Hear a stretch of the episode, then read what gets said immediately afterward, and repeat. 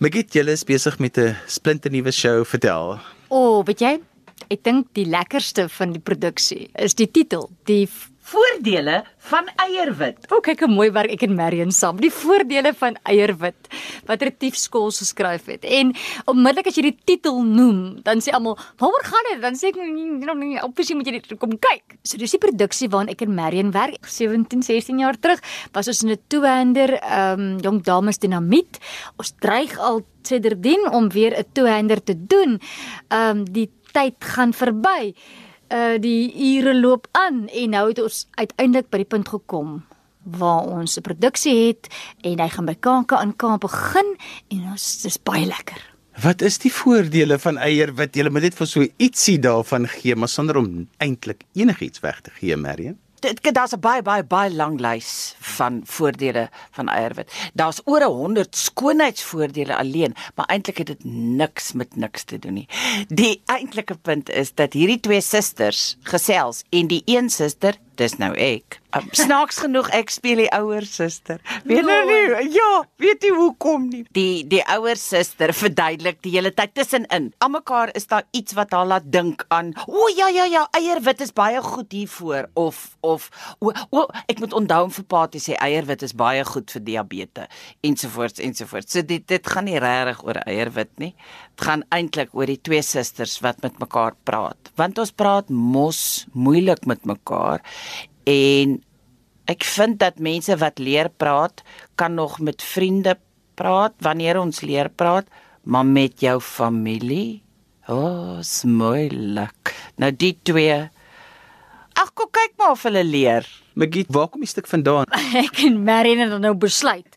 Ons is in beheer. Ons um, gaan nou 'n show saam doen. Marion het gesê Retief skools. Ek het gesê ek dink is fantasties. Um Retief is so jong skrywer. Hy hy's so entoesiasties en ek dink ek en Marion, ek dink aan namens ons praat, het die wêreldsrespek vir hom. Hy het begin byvoorbeeld met die eerste draft En toe ons hom sê ons hou nie hiervan nie. Dit was 'n ander titel, heeltemal ander show. En hoekom ons nie daarvan hou nie? Het hy gat nie gegaan en gesê, "Ehm, um, nee, maar julle moet hiervan hou. Um, kom ek verduidelik dit vir julle." Ja, ja, ja, want dit wat hy in daai eerste draft gehad het, was basies alles wat ons vir hom gesê het, ja, jy moet so en so exactly. en so maak. En en hy het nooit defensive geraak en gesê, "Ja, maar dit is hoekom dit is. Dit is wat julle gesê het julle wil hê nie." Hy het nooit dit gedoen nie. Hy het net on, on, ons het nog vir hom gesê, "Gaan maar huis toe en begin heeltemal oor." Hy's so skoon. Ek het lanklaas so positiewe energie ervaar en hy en hy's entoesiasties mm. en hy hy kom na die tafel en en en dit is dit is regtig heerlik om met sy stuk te werk en hoe meer ons gedelf het wat baie lekker is is Tara Natkat as regisseur en Tara is nie een van daai wat vir jou voorsê nie sy laat jou baie ruimte toe om self te vind en sy's 'n baie slim vrou en ons het die luukse gevat om vir 2 weke laas jaar en ons drie ek en sy en Marion om 'n tafel gesit en net teksanalise gedoen. Ook gedeeltelik omdat Marion op daai stadium ehm um, uh, baie op die stoel gesit het. Ehm um, Ek gevoel, o, lag lekker lag ek kom by grappie Marion dink gat ek snaaks nou nie. Maar ehm um, Nee, Marion het uh, 'n klein uh, operasietjie wat nie gehad, maar die wonderlike ding is gesê is hou aan met repeteer wat toe fantasties uitwerk. Sy het vanoggend vir my gesê dit lewe werk soos hy moet is um toek delf ons en jy kry nooit meer die luukse om 'n teks ja te dissekteer en wie aan mekaar te sit nie. En ons het regtig met die produksie om gedissekteer en op soveel vlakke afgekom wat retief daar ingesit het wat mens nie noodwendig sou indelf as jy dit net binne 2 weke op die planke moes ja, sit nie. Ja, want want dit op die ou einde is mos nou maar immer die probleem is ons moet self die geldjie insit om te betaal vir die teks, die regisseur, die kostuums, die want dit is mos nou nie ons het mos nou nie kruik of siekofs of druk nie. So gewoonlik as jy werk, moet jy asseblief verkieslik die produksie bymekaar sit in 2 ure want dis al wat jy kan bekostig by wyse van spreek, jy weet wat ek bedoel.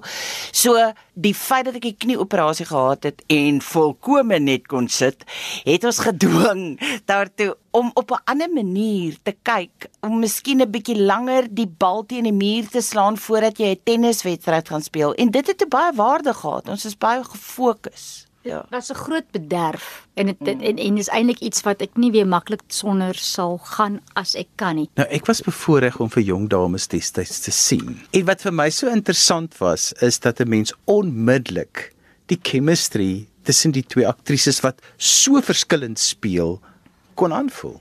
Nee, maar ek wil net weet, hoekom het jy op 12 al teater toe gegaan? Kan ek dit hierby voeg dat retief skors, dit was eendag ding toe Marin kontak, was hy so opgewonde want dit was een van sy eerste teaterstukke wat hy bygewoon het. Hy was seker reg 3. Maar hy het dit 5 keer gaan kyk want hy het so baie van die vertoning gehou jong dames dinamiet wat Henny van Greuning geskryf en die regie van gedoen het. So dit is so interessant dat jy dit sê. Dis ek dink hoekom ek dit so onthou is die kontras tussen die twee aktrises. Ek sal dit en ek julle glad nie geken op daai stadium nie. Julle speel totaal verskillend, maar as hierdie chemistry wat net eenvoudig op 'n verhoog is en ek is mense is eintlik kwaad dat dit nou so lank moes vat voordat jy weer saam op 'n verhoog is. Ja, want die lewe gebeur en ons maak elkeen ons eie werk en dan hou dit jou so besig en ek dink ek was te bang om 1 jaar te sê, okay, ek gaan hierdie jaar nie my eie nuwe een vrou vertoning maak nie. Ek is te bang ek kan dan nie elke maand maak nie. En toe het ek net besluit bang is nie 'n goeie rede om 'n keuse te maak nie. Dit is so, ons is kontras maar daar's baie goed wat dieselfde is. Maar dit is baie solied op die verhoog. Ek vertrou haar. Sy gaan nie vir my drop nie. Ek dink ek hoop jy voel dieselfde pop. Stilte. Jy's baie. Uh, daar is goed wat dieselfde is. Ons het dieselfde uitkyk naamlik dat die produksie kom eerste, daar's dissipline. Ons moet hou by wat die regie gesê het. Ons gaan nie elke een nou, nou al hoe meer uh, goedjies bysit ensovoorts ensovoorts. En ek dink dit is een van die goed wat lekker is van ek en Margriet. Maar ek dink dit gebeur ook net met vriende. Daar's niks van ons wil mekaar verander nie. Die verskil in ons mens wees, gun ons mekaar die ruimte. Ek dink dit gebeur net as mense trou little mekaar wil verander. Maar ons met ons werk dit lekker. Ons embrace ons verskille. En ek dink die deurslaggewende ding vir my is daar's respek. Daar's respek vir mekaar, daar's respek vir die teks, daar's respek vir Tara, daar's respek vir die gehoor. Daar's respek vir ons verhoogbesieder Mariska.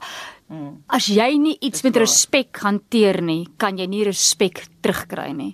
En, en daaroor stem ons saam. Dit het ons albei. Ons voel ewe ernstig oor daai. Wat nou vir my so lekker is, is dat ons weer terugkom by waar jy die ander kant van julle ontdek, die samespel en ook die aktrise wees wat 'n ek weet dit wat julle doen verg presies dieselfde dissipline, maar hierdie saam op 'n verhoog. Dis anders. Dis anders, maar dit is net vir my so lekker dat mense ook kan sien want ek het ek weet byvoorbeeld toe 'n uh, ander stuk wat iemand uitgestap het na dit staan ons moet nou maar naby toe sê die vrou ek het nie geweet of 'n dollar kan ek nie. Ja nee, ek is mos elke dag dolla. Ja, ja.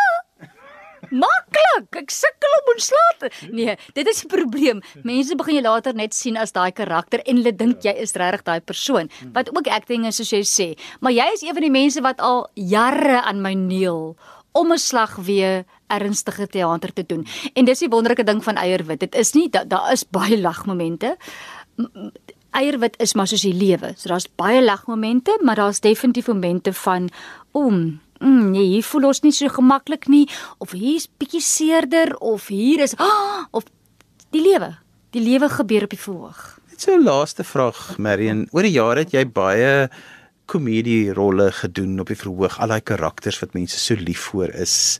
En skielik klim jy op die verhoog en dis nie daai karakters nie. Is jy bang vir die reaksie want dit is eintlik 'n die verhoorlede gaan nou iets anders met te, te doen kry. So dit dit is ook iets wat in mense agterkop seker baie keer is. Ek is 'n bietjie bang, maar toe het ek vir myself gesê ons gehoor is mos nie dom nie. En dit is waarop ek staat maak. Ek maak staat op die feit dat mense wat teater toe gaan weet dat aktrise 'n aktrise se werk is om verskeie rolle te speel. So toe ek by Kruik en by Sikos was, het ek eweveel ernstige rolle gespeel. Jy het gedoen van Shakespeare deur tot uh, Aubouroi. Dit uh, van uh, superrealisme tot uh, teater van die absurde en toe was dit heel aanvaarbaar want jy's 'n aktrise. Nou ek is nog steeds 'n aktrise. Ek maak net my eie werk en ek glo dat die gehoor sal weet o dit is nie haar een vrou vertoning nie, so sy speel nou die karakter in eierwit wat so en so is en dat hulle saam op die pad sal gaan.